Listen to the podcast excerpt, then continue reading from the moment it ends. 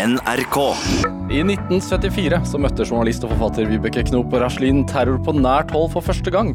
Siden den gang har journalisten og forfatteren fulgt terrorhendelser tett for å forstå hva det gjør med oss. I sin siste bok har hun forsøkt å forstå hva som former en terrorist. Dette er Drivkraft med Vegard Larsen i NRK P2. Ja, Vibeke Knop Raslin, velkommen til oss. Takk for det. Vi kom oss på lufta. Ja, Det var noen tekniske problemer her. det var altså. terrorisme. Nei, det får vi inderlig ikke håpe.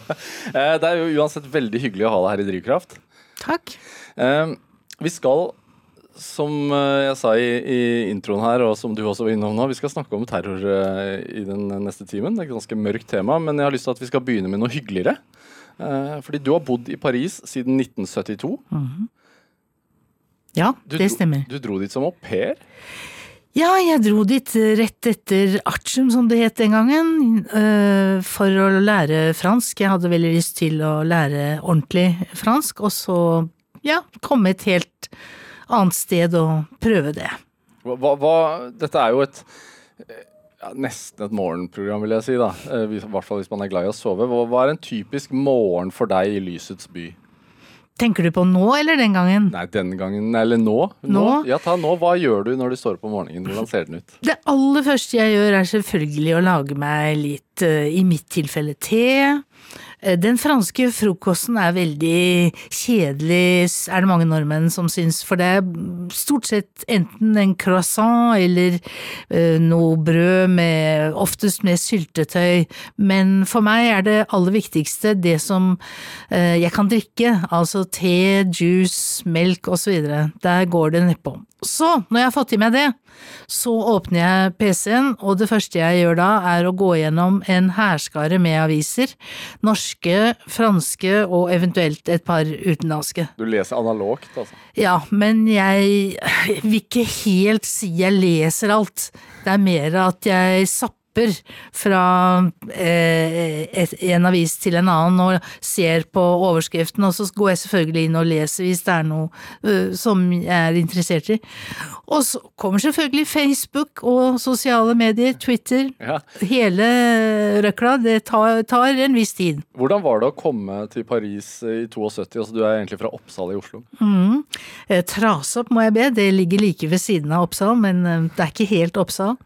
Eh, nei, det var jo en enorm overgang. Jeg husker ennå da jeg ble hentet eh, på flyplassen og eh, vi kjørte inn mot Paris, at jeg syntes det var bare et millioner av biler på alle kanter og bauger og svære veier og det er mye bråk. Det, det merket jeg med en gang. Men du ble værende. Jeg ble værende, ja. Hvorfor det? Ja, det hender jo man møter en franskmann, da, vet du. og da ble det mest naturlig å bli værende i Paris. Det var kjærligheten som holdt deg der. Kjærligheten. Du har skrevet uh, flere bøker om Paris, reiseguider f.eks. Hva, hva, hva er det du liker så godt med byen? Altså, du har, nå har du fått den trafikken inn under huden antageligvis. Ja, nå hører jeg den nesten ikke lenger. Nei. Det er fælt å si det, men det er sant. Um, nå er man blitt mer fokusert på forurensning enn på bråk. Og det er jo interessant. Ja, ehm, jo, jeg liker utrolig godt ved Paris at det er en veldig eh, mangfoldig by som byr på utrolig mye. Jeg ville påstå at eh, i Paris så finner man absolutt noe for enhver smak. Eh, selvfølgelig alt eh, det store kulturelle tilbudet, museer, eh, teatre, konserter og, videre. I mitt tilfelle så ble det veldig mye kino også, fordi min mann var veldig interessert i kino, og til, til slutt så jobbet han med det også. Så da var det mange filmer i uka. Det er jo ingen som tar film så alvorlig som franskmenn. Nemlig, og det fins jo utrolig mange kinoer i Paris, så der kan man se eh, alt fra eldgamle filmer til de siste amerikanske blockbusterne. Dessverre, vil jeg si.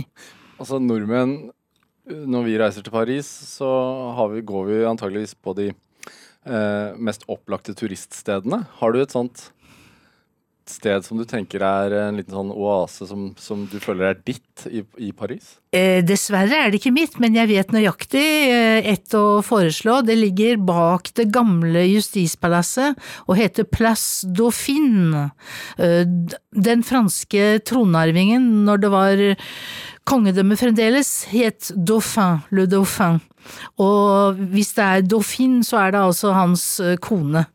Og mm, det er et nydelig lite sted i Paris, og der lå også leiligheten til eh, Simone Signoret og Yves Montand, som jeg var så utrolig heldig å få treffe en gang. Når, når du har bodd så lenge i en by, det er jo over halve livet, eh, og vel så det, tenker du at du er mer fransk enn norsk? Et uh, vrient spørsmål, vil jeg si. Uh, jeg har alltid uh, på en måte følt meg Eller jeg hadde lyst til å bli som de andre pariserne lenge. Hvordan var de? Nei, ja, måten å kle seg på, måten å være mm, i det hele tatt, men etter, la oss si en syv-åtte år, så skjønte jeg at det var feil. At jeg kunne aldri bli som dem. Og dermed så fant jeg ut at det jeg skulle være, det var å være meg selv, fra Norge. Og det at man er fra et annet land, det bare vekker nysgjerrighet hos eh, franskmenn, det liker de godt. De vil gjerne høre om det. Så det tror jeg nok var et riktig ståsted. Mye riktigere ståsted enn å ape etter dem. Ja. Og, og nå vil jeg si at jeg er på en måte midt mellom ja, midt mellom to land, midt mellom to kulturer, midt mellom to språk. Og det var jeg så heldig å få snakke med en gang med Per Petterson. Vi satt på en eh, bar i Paris og snakket i lenge. Og Forfatteren, altså. ja, og han, eh, så sa jeg til han at jeg føler at jeg er eh, i ingenmannsland, sa jeg, for jeg følte at det var akkurat det jeg var, mellom to land. Så sa han nei, du skal ikke si det, sa han, du skal si at du er i transitt. Og det syns jeg var et interessant uttrykk. Så det har jeg øh, holdt på med en stund, tenkt, tenkt gjennom og prøvd å forske litt på. Og det er vel noe som er ganske typisk for øh, franskmenn også, at de har to tilhørigheter, kanskje? Absolutt, mange av dem har det, og det behøver ikke nødvendigvis være eh, fra et annet land. Eh, Hvis du kommer til Paris og er fra Marseille, så er det nesten to forskjellige land. Du, du, Vibeke Knop Rashin, du er her, eh, Raslin, du er her i dag for, fordi at du har skrevet en bok 'Terror i Europas hjerte'. Um, og, og vi skal prate om den, og om uh, terror, et mørkt kapittel i Europas uh, moderne historie. Men, men vi, vi begynner eh, med noen år tilbake i tid, 1974. fordi veldig tidlig i ditt opphold i Paris så kommer du veldig tett på terror. Hva var det som skjedde? Det var den berømte, mm, kanskje mest berømte terroristen noen gang, eh, som het Carlos, men som er bedre kjent under navnet Sjakalen. Han kastet en granat inn på arbeidsplassen til min mann, og drepte to og såret ganske mange, og det ble liksom, ja, det ble pang rett inn i terrorens verden. Hvor var du da? Jeg var hjemme, øh, men jeg fikk jo, og det var faktisk min mann også, men vi, vi så det jo med en gang, og han for av gårde, og, og jeg tror at akkurat den gangen, i 74, så var dette veldig fjernt. Jeg mener, selv om det rammet meg på en måte personlig, så tror jeg ikke jeg skjønte eh, hva, egentlig hva det dreide seg om, og hvor alvorlig det var den litt- gangen. Vi har litt lyd fra, eh, fra åstedet. Dette er vel tatt opp eh, på ettermiddagen eller dagen etterpå, men det, men det setter litt stemning. Ja. ja, dette er da franske nyheter samme dag eh, som terrorangrepet. Eh, det kom ned mer overrasket på. Veldig overraskende. Eh, men altså, terror, det har jo alltid eksistert. Eh, og akkurat uttrykket terror, det er jo til og med fransk. Det kommer fra skrekkveldet under eh, revolusjonen med Robespierre. Det var han som innførte la terreur, eller terror. Og, og det er jo eh, Altså, jeg, jeg er veldig fascinert av at det ennå ikke finnes en internasjonal vedtatt definisjon av hva er terrorisme. Det, det, det eksisterer, jeg tror, over 100 eh, definisjoner av terrorisme, men ikke én som er allment eh, vedtatt av eh, alle nasjoner. Og det syns jeg er veldig pussig. Eh, Det var, jeg snakket litt om det forleden dag på et bibliotek her i Oslo, og da var det en av tilhørerne som sa ja, men hvorfor er det så viktig da? Det er jo bare akademisk, og det er jeg overhodet ikke enig i, for jeg syns det er faktisk viktig å vite når en person begår terror, når det ikke er terror. Hvis vi tar et helt nylig eksempel herfra, så ventet jo politiet, det norske politiet, eh, et døgn før de sa at denne unge mannen i Bærum, at det var et eh, terrorforsøk. Så jeg syns ikke det er uvesentlig i det hele tatt. Du tror det vil, vil, vil hjelpe oss, i hvert fall innenfor journalistikken, å dekke sånne hendelser? Innenfor journalistikken og også innenfor etterforskningen, eh, terror er sjelden noe som bare oppstår et sted ut fra intet. Som regel er også det en internasjonal, eh, har det en internasjonal sammenheng. Men- og da jeg, mener jeg det ville bli mye lettere for folk, altså politi eksempel, etterretning og samarbeide. Men, men tilbake til 74. altså Hva var det som drev eh, Sjakalen, eller eh, Ramires Sanchez, som han jo het? Jeg må jo tilføye at eh, det stedet vi snakker om, det heter drugstore eh, på veldig dårlig fransk. Det er jo et sted hvor man Et slags mini-mini kjøpesenter, kan man si. Og det hadde jødiske eiere, så det var derfor han eh, slo til mot det. Ja. Hvordan, hvordan Var det en frykt for gjentagelse? Tenkte dere på det i dagene etterpå? Og i aller høyeste grad, fordi at i tiden etterpå så kom det om en trussel, terrortrussel, bombetrussel, omtrent daglig. Og da måtte min mann av gårde eh, med en gang for å være der og eventuelt ta avgjørelser som skulle tas og så videre. Mot samme sted? Ja, altså det var fire sånne steder i Paris, så dermed ble det mange muligheter. Og de slo også til mot samme butikkjede noen år senere, og da var det en lynrask, smart eh, ansatt som så en mystisk blomsterbukett, og så fjernet han den og ville bar den ned i kjelleren, og da eksploderte den i ansiktet hans. Ja. Så, så, så du, har, du har kommet tett på terror ganske tidlig. Av, hva, hva, eh, hva gjør det med deg, tror du? Hvor, hvor lenge var du redd etter at dette her skjedde? Fordi dere pratet vel om det antageligvis på kammerset ofte? Selvfølgelig, også som sagt dette at han plutselig måtte bare av sted fordi det var kommet en ny trussel. Og heldigvis så er det jo sånn at når det kommer trusler, så er det sjelden at det eksploderer like etterpå. Mm. For de som virkelig vil gjøre vondt, de sier ikke fra på forhånd. Men likevel så måtte det jo alltid tas eh, seriøst. Og hva det gjør, det gjør jo at du lever i en slags eh, Hva skal jeg si, du, du, du lever på vent, på en måte. På vent på at eh, det skal skje igjen, og at ja, kanskje de du er glad i kan bli såret, eller Lev, til og med drept. levde du på vent? På en måte, ja. Ja. Hvor, hvor lenge satt det i, tror du?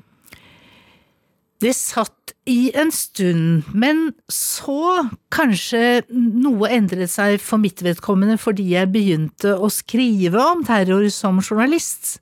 Og da kommer vi til det berømte med at særlig fotografer, de klarer å skape en avstand til det de opplever takket være kamera. Kamera som de holder mellom øynene sine og det som skjer. Ja, krigsfotografer for Ja. Blir ikke så preget fordi Nei. at de bruker linsen som et slags forsvar. Akkurat. Og det kan jo ikke vi skrivende journalister gjøre, men likevel så er det det at du skal omtale det, behandle det øh, for yrkets skyld, da blir det noe annet enn når det er du selv som står midt oppi det. Du må analysere det mer enn å Mm. oppleve det. Eh, ja, det var jo først noen år seinere du begynte å jobbe som utenrikskorrespondent for Dagbladet. Mm. Eh, men tror du at det angrepet som skjedde eh, i 74, tror du det formet deg som journalist? Var det en av grunnene til at, at terror ble en av eh, emnene du har dekt eh, ofte opp igjennom? Det er ganske pussig, fordi jeg, jeg, faktisk Jeg vil ikke si at jeg glemte det, men jeg må ha fortrengt det. Jeg tenkte ikke på det lenger etter noen år, når det sluttet å komme trusler videre. Og det, er det en overlevelsesmekanisme, tror det du? Det er ikke umulig. Jeg tror det kan, kan være ganske beskrivende, ja. Eh, og så var det faktisk i et intervju jeg tror til og med det var i NRK, i en annen flate for, for, noen år siden, hvor noen spurte meg om det med å oppleve det personlige og sånn, så plutselig så kom jeg på å jo, det hadde jeg jo opplevd helt personlig, men det var merkelig, jeg hadde fortrengt det, altså. Dette er Drivkraft med Vegard Larsen i NRK P2. Og i dag har vi forfatter og journalist Vibeke Knop Raslin her hos oss. Eh, vi snakket om eh, angrep, et terrorangrep i Paris i 1974 utført av Sjakalen, som jo du fikk eh, kjenne relativt tett på. Åstedet var, var firmaet som mannen din jobbet i. Men, men, tilbake til det at du begynte å jobbe som utenrikskorrespondent for Dagbladet, og at du har dekt mange terrorsaker. Hvilke terrorangrep har du dekket, har du oversikt? Det begynner å bli ganske mange eh, etter hvert. Det, det var jo en bølge Terror kommer alltid i bølger. Så, så det var en bølge i Frankrike i 80-årene Eh, da var det mange eh, angrep. Eh, ikke så store nødvendigvis, men en rekke. Og den gangen så var det algirske mm, væpnede grupper som sto bak GIA. Og, og, så, blant de større angrepene, da, så, så var jeg faktisk her i Norge i 2011. Og da dekket jeg eh, angrepene på, for franske medier. Skjønner Ja. Og så eh, var det i 2015, da, og så var det også noen i 90-årene. 94, 95, og så var det eh, Jo, så før det så var det Madrid i 2004. Jeg hører på deg at det har blitt en del. Ja. Så nesten ikke, Kanskje vi skal stoppe. Men, men, men, men hvorfor er, er Frankrike uh, vært, et, uh, vært en utsatt plass for denne type angrep? Altså jeg leste at bare siden 1970-tallet og fram til i dag så har uh, 400 mennesker mistet livet i terrorangrep, og, nærmere 2000 blitt skada pga. dette her. hvorfor er Frankrike så utsatt?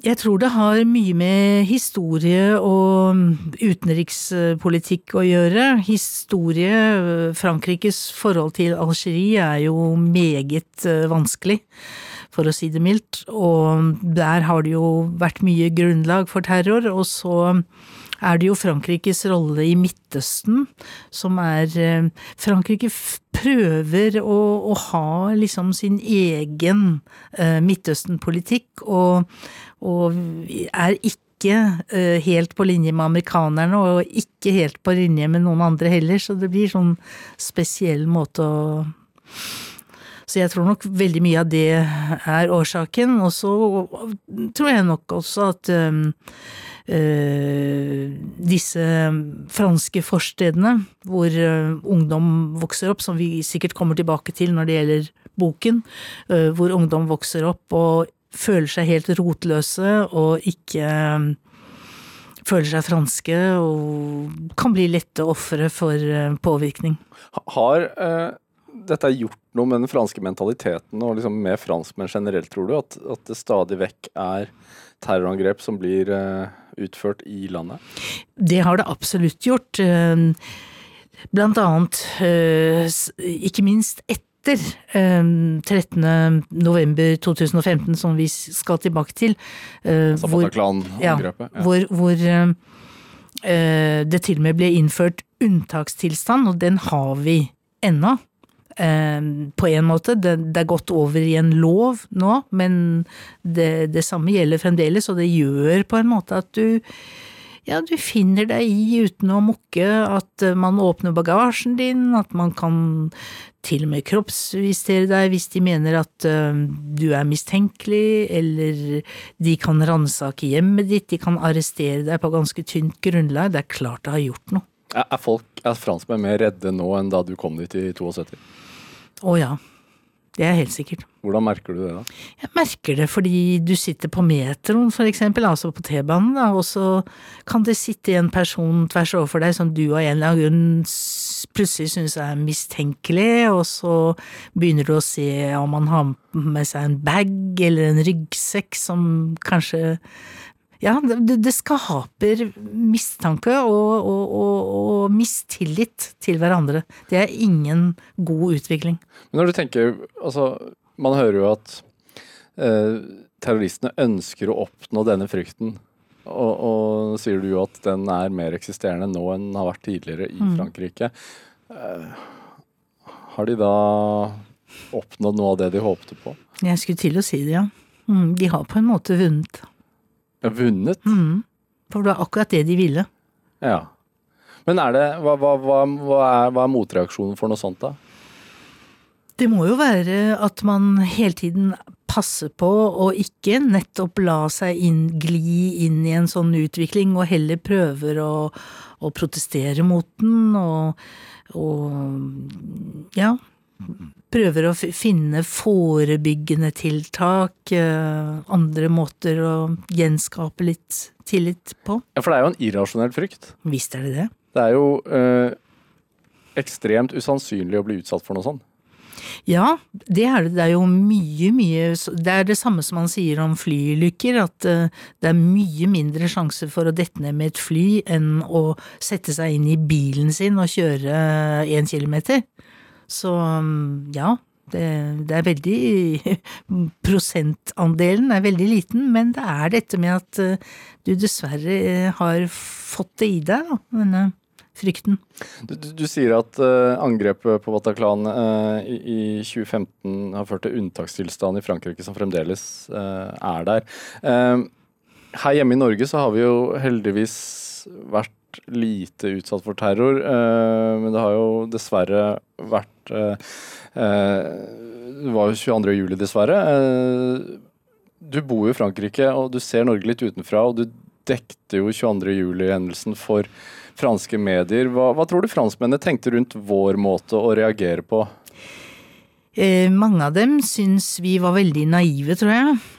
Og um, at vi Altså, det er veldig vakkert med rosetog, og at man ønsker eh, større åpenhet og større demokrati og så videre, men øh, i Frankrike så syns man nok det var litt vel, ja, naivt, blåøyd.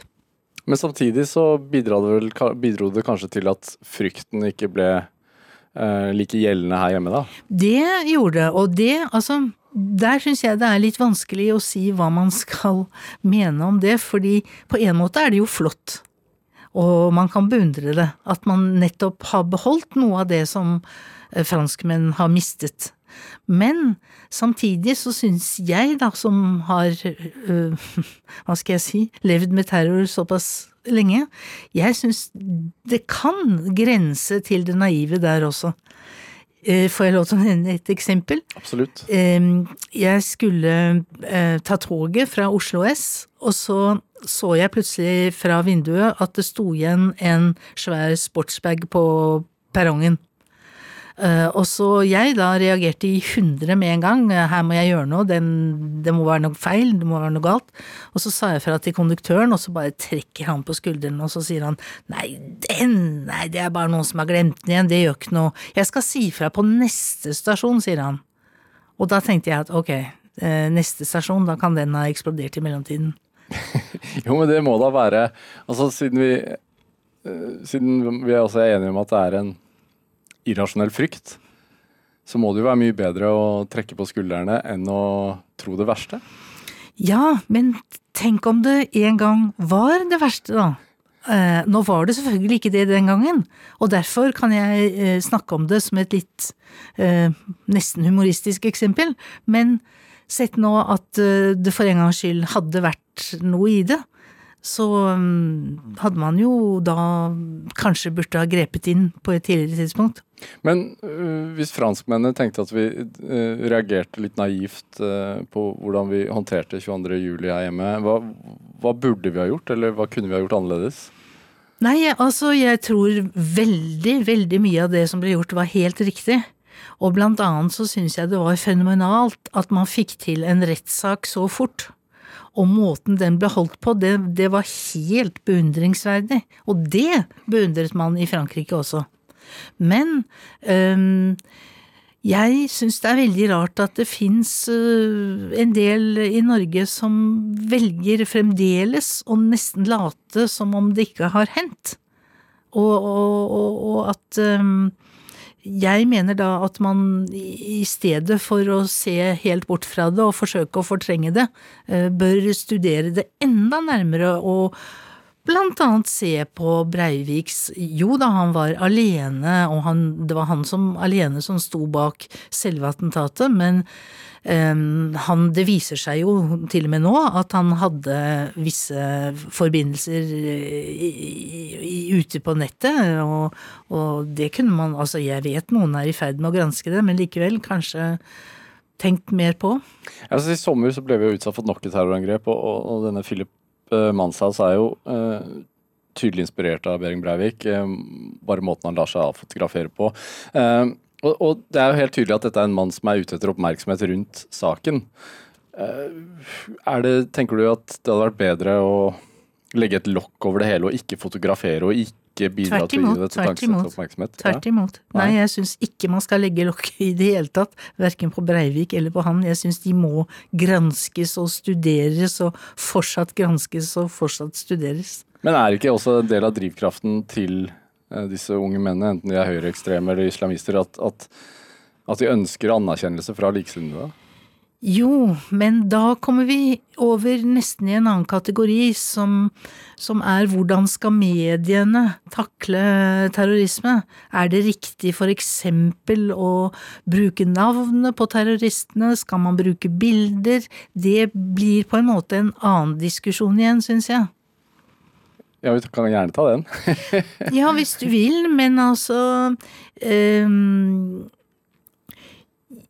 for eksempel hvis Sett nå at um, terroristen allerede er arrestert, som var tilfellet med Breivik, og som nesten var tilfellet med Mannhaus, for han var jo øh, bemannet uh, Eller Han ble overmannet ja, i moskeen? Overmannet av i moskeen. Mm. Uh, da kan man kanskje diskutere om det er riktig å bruke bilde eller ikke. Men sett i, i for eksempel når det gjaldt disse eh, terroristene i 2015 i Frankrike, så visste man jo ingenting om dem. Annet enn at man fant ut at de hadde vært med på attentatene. Og uh, en av dem, som jeg beskriver i boken, han uh, var jo på flukt. Og da syns jeg det er desidert riktig å bruke bildet, fordi at da kan man kanskje gjøre jakten litt lettere ved at uh, man har en anledning til å kjenne ham igjen og til å signalisere det til politiet. Ja. Uh, Vibeke Knop Raslin, du er, du er, jo her fordi at du har skrevet boken 'Terror i Europas hjerte', som blant annet, uh, eller hovedsakelig dekker Bataclan-terroren og, og, en av de gjenlevende terroristene fra det angrepet. Men, men jeg bare lurer på, siden du har dekt terror i såpass mange år i norske medier, Aftenposten, Dagbladet eh, annet, hvordan, hvordan, vil du si ordlyden om måten man dekker eh, terror på i media forandret seg over tid?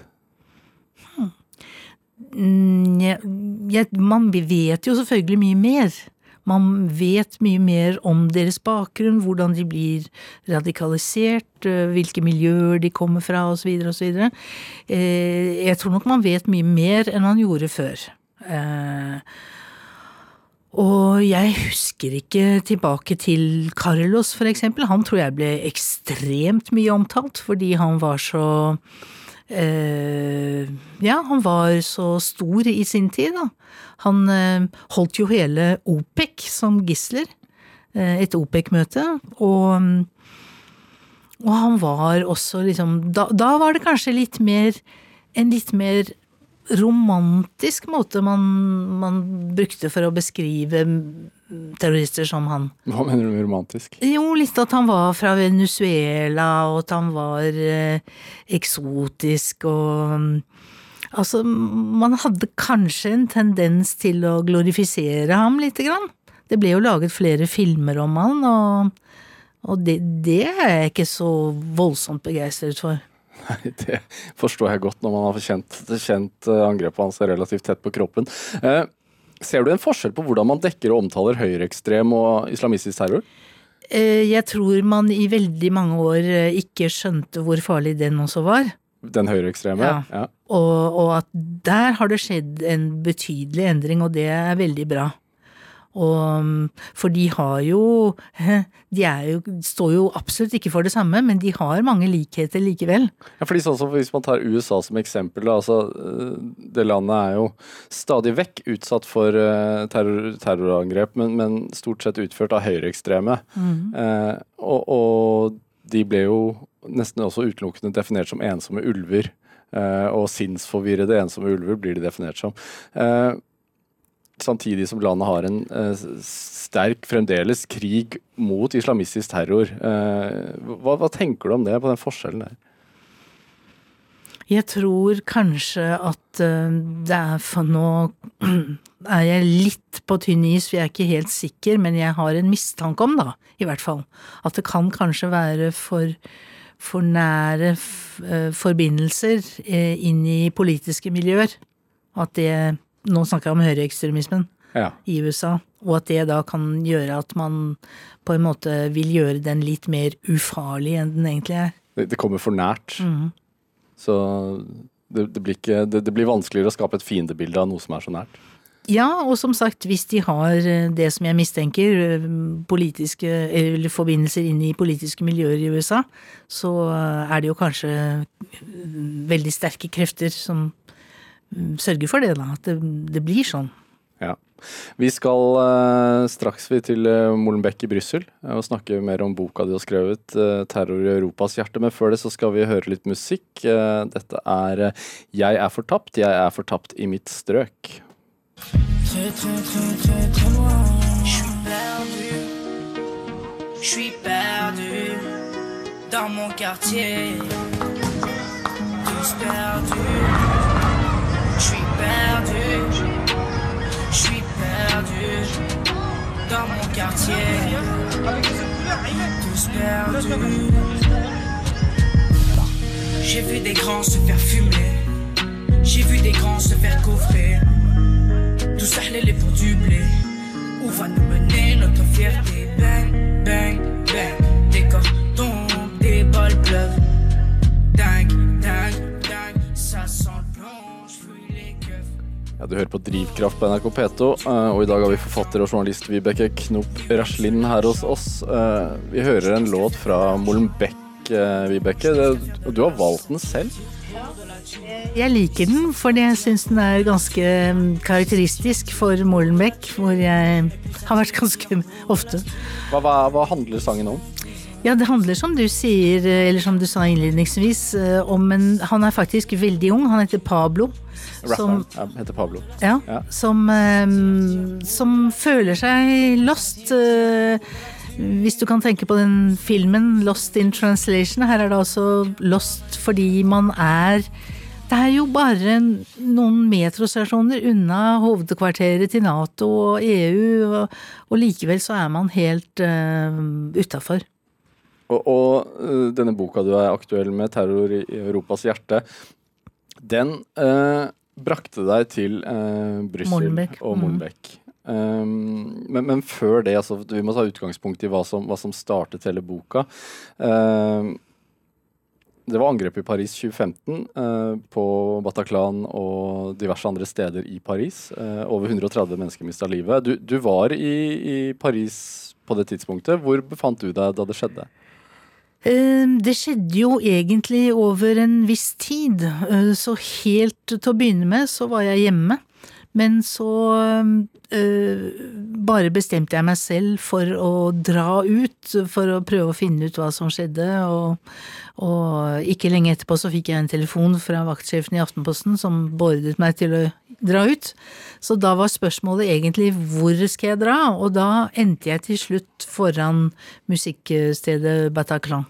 Og det er veldig bra at du sa uh, for to sekunder siden at det er flere steder. For det er seks steder i alt, og det er litt feil å bare omtale det og huske det som Bataclan-angrepet. Det er uh, seks angrep. Mm. Det er lett uh, at man ofte omtaler ting der, der det verste skjedde. Mm. hvordan opplevde du å være der da, utenfor? Jeg syns det var uh, veldig vanskelig etter hvert, uh, nesten uutholdelig vil jeg si, fordi der jeg sto sammen med noen andre medier, altså journalister, så var vi vel kanskje 300-400 meter fra Bataclan, og vi kunne ikke se noe av det som foregikk, og vi visste egentlig forholdsvis lite også om det som foregikk, men vi hørte alt. Så vi hørte alle skuddene, alle eksplosjonene, og det var ille nok. Hva tenker man da sånn å nei, ikke nå igjen? Jeg tenkte det da jeg gikk derfra, ja. Å nei, ikke nå igjen, og ikke Paris om igjen. Ja, for man hadde vel antageligvis Charlie Hebdo-hendelsen ja, i friskt minne. Ja. Mm. Men ble, blir du sint da? Jeg ble sint. Jeg ble fryktelig sint. Jeg ble ikke redd, jeg ble ikke, hva skal jeg si, fortapt. Jeg ble, jeg ble veldig sint, og, og, det var nettopp fordi øh, jeg følte at øh, det var helt urimelig at øh, Paris skulle rammes nok en gang, og at disse terroristene hadde lykkes med det nok en gang, og dermed så tenkte jeg at jeg måtte gjøre et eller annet. Jeg, fikk, jeg følte en voldsom trang til å gjøre et eller annet, og da hva kan jeg gjøre? Jeg, jeg er ikke lege, jeg er ikke sykepleier, jeg er ikke brannmann, jeg er ikke politimann. Det, det eneste jeg kan noenlunde, da, det er å skrive. Så derfor bestemte jeg meg at jeg skulle skrive en bok. Den boka 'Terrorplass 'Terror på hjertet' eh, har jo akkurat kommet ut. Eh, hovedpersonen i den boka di er jo eh, Salah Abdeslam. Mm. Eh, den eneste gjenledende terroristen fra det angrepet. Han, som, han sitter fengslet i Belgia i dag. Innen Frankrike. Ja, han, flyttet, Paris. han har flyttet til mm. Paris. Mm. Han satt i hvert fall fengslet i Belgia i starten. beklager det. Hva var det du ønsket å finne ut? Ønsket du å forstå, eller hva ja, var, var, som var målsettingen? Ja. Jeg prøvde å forstå hvordan en ung gutt eh, eller mann som han eh, kunne ende med å gjøre det han gjorde. Ja, For han var i midten av 20-årene da dette skjedde? Ja, og, og jo dypere jeg kom i historien hans, hvor mer egentlig uforståelig syns jeg det ble. Ehm, det som karakteriserte ham, og som var på en måte hans motto da han var altså nokså like før attentatene, det var øl, dop og jenter. Det var det han var opptatt av. Ja. Og så gikk han og spilte på kasino. Masse. Han gadd ikke gå på skolen, og han gadd ikke prøve å finne noe utdannelse. Og han øh, hadde en jobb, men den mistet han da han og bestekameraten ble satt i fengsel. Og det var sannsynligvis i fengselet at begge to ble radikalisert, i hvert fall begynte å bli det. Ja, det var en andre innsatte som, som uh, mm. radikaliserte han? Ja, dessverre så er det blitt sånn at uh, det alltid er noen i fengslene, i hvert fall ute i Europa, jeg er ikke sikker på om det er sånn her i Norge, men som er villige til å lære opp uh, unge personer til å komme over til det de tror på. Men det må jo være det, altså, Jeg tenker jo at dette høres jo ut som en mann som Eller en ung, ung mann da, som uh, ikke hadde dette tankesettet overhodet. Men man må jo være på et eller annet vis, tenker jeg, for å la seg forføre av det. Jo, men eh, han var, og det gjelder ikke bare han, det gjelder eh, mange av de som unge som ble radikalisert, at han hadde allerede begynt å få et kriminelt rulleblad. Han var Han solgte hasj. Og, og da kunne disse som rekrutterte, eh, love at hvis de ble med på en aksjon, så ville de bli tilgitt. Det kriminelle rullebladet ville bli strøket ut, visket ut, og de ville komme til paradis og få sine 72 jomfruer. Ja, fordi Fellestrekk for mange terrorister, eh, både høyreekstreme og, og uh, islamistiske, som driver med islamistisk terror, er vel at de på et eller annet tidspunkt har følt seg helt utenfor samfunnet. Det er riktig. Uh, og, og, den reisen for å finne ut hvem, hvem uh, Salah Abdeslam var, den tok deg jo til Molenbeek. Absolutt. også kalt terrorens vugge uke uh, av uh, president Trump, er det ikke det? Han som uh, A hellhole, sa hellhole, sa mm. president Trump, ja. hvorfor har, har, stedet fått dette kallenavnet? Fordi det viser seg at ikke bare disse terroristene, men en del andre terrorister før det også kom fra Molenbeek. Hvordan vil du beskrive Molenbeek? Jeg vil absolutt ikke beskrive det som hellhole. Tvert imot, nesten. Fordi øh, jeg er vant til franske forsteder. De er så Altså, det er så stygt, det er så grelt. Det er sånne digre bomaskiner og ikke noe miljø, ikke noe særlig trær, ingenting. Det er, det er bare goldt, og, og, og vinduene er knust, og heisen går ikke, og så videre. I Mordenbeck så er det koselige små hus. Eh, de er eh, ikke høyere enn to etasjer, kanskje tre, de fleste av dem. Og så er det et lite torg i midten, som kunne være et torg som i Norge et eller annet sted. Det er ikke noe spesielt ved det.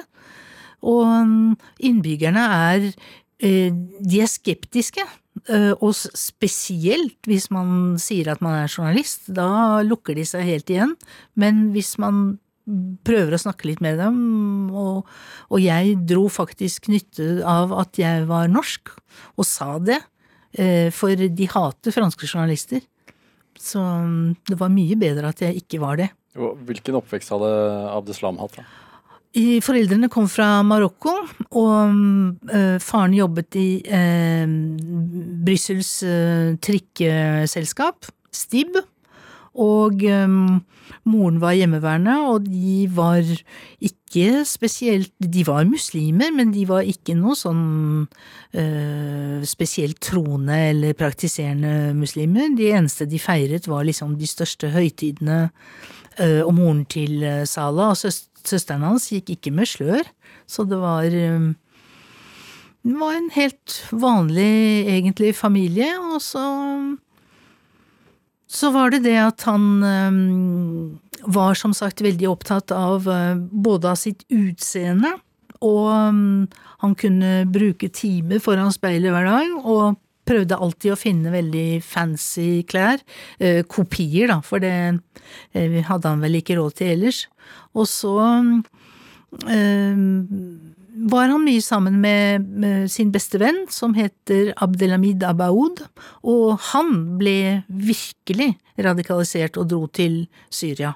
Og kom faktisk eh, steg i gradene i Raqqa, og kom ganske høyt opp i hierarkiet til kalifatet.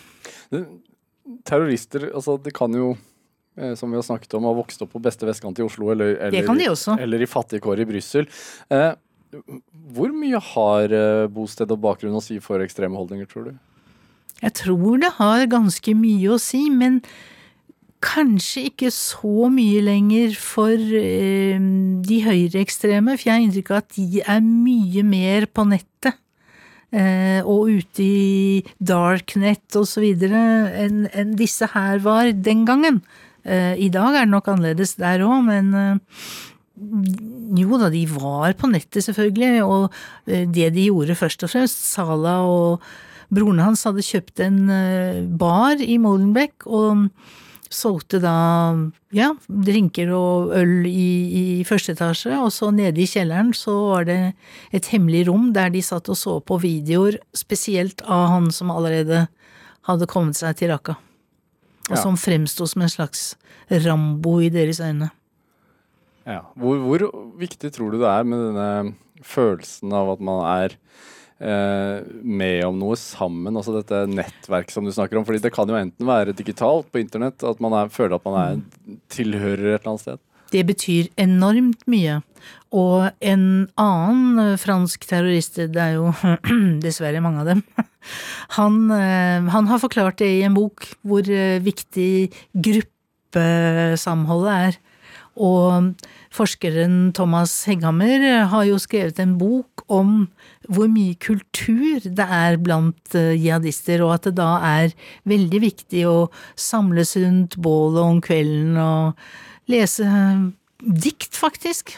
Så mm, det er eh, sammensatte personer. Hvis jeg forstår deg rett, så, så skrev du denne boka fordi du ønsker, du ønsker, å forstå terror, men du ønsker også at uh, man som samfunn skal forstå terroren bedre. Mm. Hva, hva, legger du i det? Hva, hva fant du ut? Forstår du den bedre?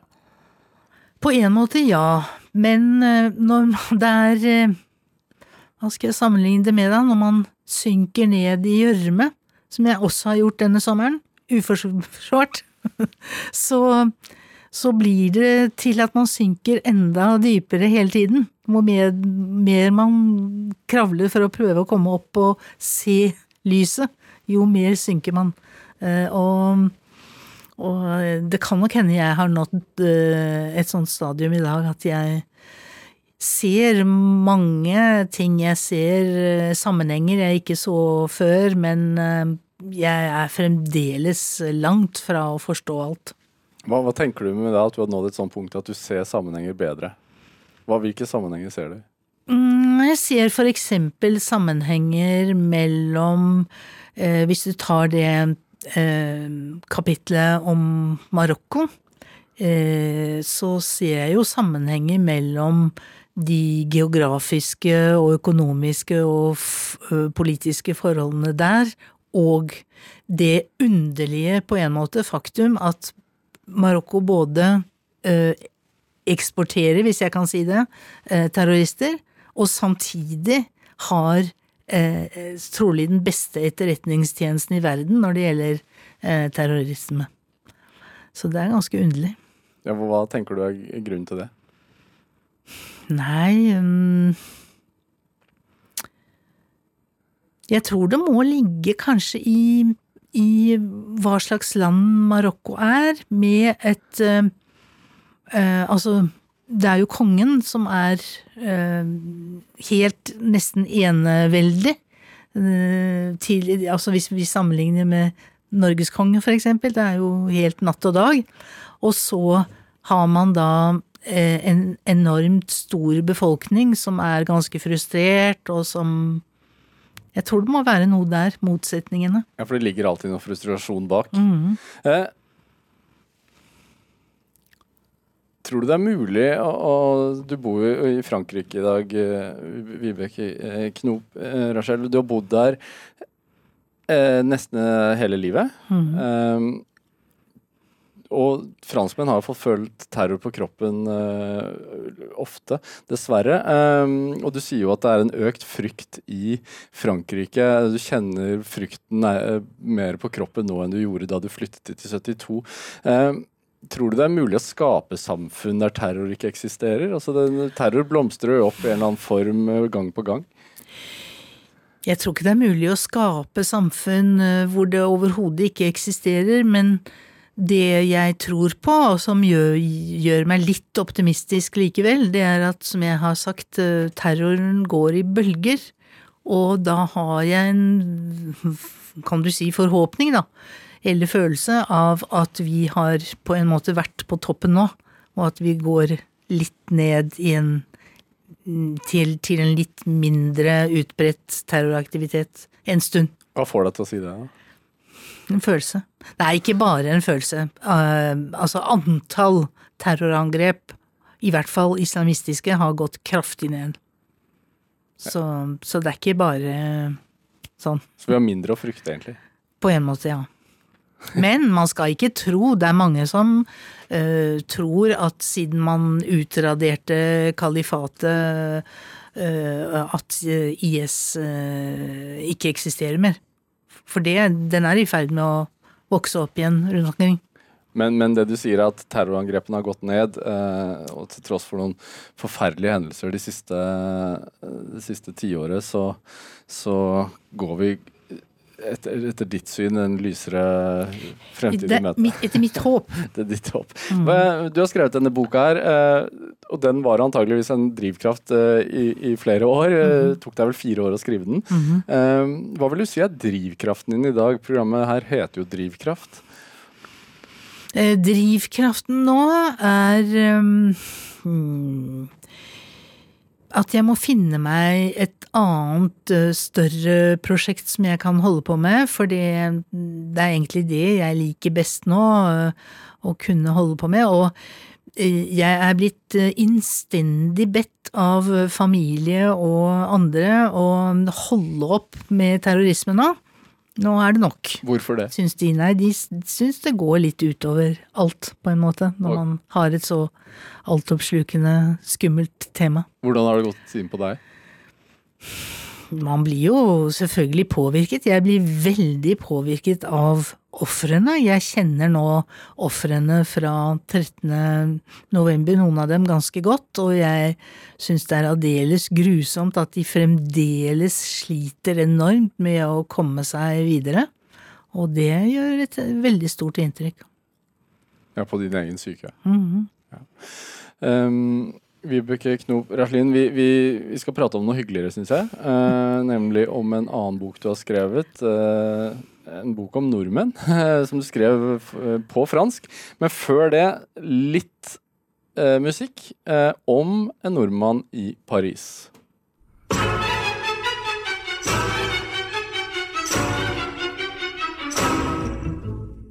På landloven kveld i en fransk liten by jeg vandret omkring på en mørk aveny. Da så jeg et sted der i lyktenes skinn. Og jeg tenkte jeg kan jo gå inn. Slik kom jeg en gang til Café de la Paix. Der satt en pike med kafé og le. Jeg sa je volle gjerne sitte ned. Hun smilte søtt diskré av s'il vous. Jeg håpet på en lett og kvikk suksess. For sant å si så er jeg vant til det. Så jeg sto opp og smilte pent idet jeg bukket excusez-moi s'il vous plaît. Skjønne mamsellene, får jeg be om en ørliten dans? Hun svarte gjerne, men hva gjør vi med Frans? For da kom Frans, hun var forlovet med at han var svært sjalu, var lett å se. Ja, de aner ikke hvor Ja, Per Asplins Sivoplé fra 1961 der altså. Og du hører på Drivkraft på NRK P2, og jeg heter Vegard Larsen. Og i dag har vi forfatter og journalist Vibeke Knop Raslin her i studio. Eh, Vi har pratet om boka di 'Terror i Europas hjerte', men du har også skrevet en bok om Norge eh, som utelukkende finnes på fransk. Jeg leser ikke fransk, så jeg har dessverre ikke fått lest den. Eh, Men hva skriver du om oss? Det var, jeg må bare si to ord om hvordan den ble til. Um, Det var en forlegger i Frankrike som er så skuffet når han reiser til et land han ikke kjenner, hvor han syns han finner masse litteratur om geografien, historien, maten, whatever, i eh, det landet han eh, kommer til, men ikke noe om innbyggerne. Så han har laget en hel serie om innbyggere i de forskjellige land, og jeg fikk da eh, skrive den om nordmenn. Og opplegget er at eh, vi som skriver sånn- disse bøkene, vi skal reise rundt i det landet og intervjue da lokale personer. Hva var det som overrasket deg mest da du skrev om oss? Nei, jeg sy- sy- syns det var veldig morsomt, fordi at jeg eh, Det ble nesten en oppdagelsesferd for meg selv, fordi egoistisk. Fordi eh, jeg fikk se nye sider og steder i Norge som jeg aldri har Der jeg aldri har vært eller mm, hørt om, så det syns jeg var veldig spennende. Men eh, det jeg prøvde å få frem, var ikke liksom nordmenn i tre ord. Det var mer øhm, temaer og øh, som preger nordmenn. Natur, øhm, historie, ja, og så videre. Så, så det jeg, jeg traff ikke på noen sånn Jo, jeg traff på én morsom overraskelse. Det var da jeg skulle intervjue Vegard Ulvang. Og han lot meg få komme hjem til seg, og jeg så den fantastiske medalje- og skisamlingen hans. Eh, Og så forteller han meg at eh, det han jobber med nå, er å prøve å hjelpe andre eh, skiløpere fra andre nasjoner til å bli så gode at de kan slå nordmenn. Det syns jeg var veldig, veldig interessant. At man altså rent eh, teoretisk tenker så langt at nå må vi finne en løsning. Det går ikke bra hvis nordmennene vinner hele tiden. Da får vi ikke sponsorer osv. osv. Hva, hva tenkte din franske redaktør om dette her? Nei, han syntes det var veldig morsomt. Eh, Vibeke Knop Raslin, eh, det nærmer seg slutten her på denne timen. Eh, veldig kort, altså det er eh, fredag i morgen og helg. Har du et eh, tips på en sånn herlig helgerett jeg kan lage? Frankrike er jo kjent for sitt kjøkken. Eh, Jeg syns eh, man alltid må prøve å bruke de lokale ingrediensene. Og så vidt jeg har fått eh, sett i butikkene her nå, så er det masse fantastisk sopp. Så da syns jeg kanskje at man burde lage noe med sopp, og det, der er det jo mange muligheter. Kantarell, da. Ja, for eksempel. Det høres jo litt fransk ut. Men med noe protein, kanskje? For eksempel. Hva, hva, hva er det? Eh, kylling eh, Det er veldig få som bruker hare, tror jeg. Det er veldig utbredt i Frankrike. Da, da skal vi forsøke oss på hare med kantarell i helgen. Eh, tusen takk for praten, eh, Vibeke Knop Raslin. Veldig hyggelig å ha deg her i Drivkraft.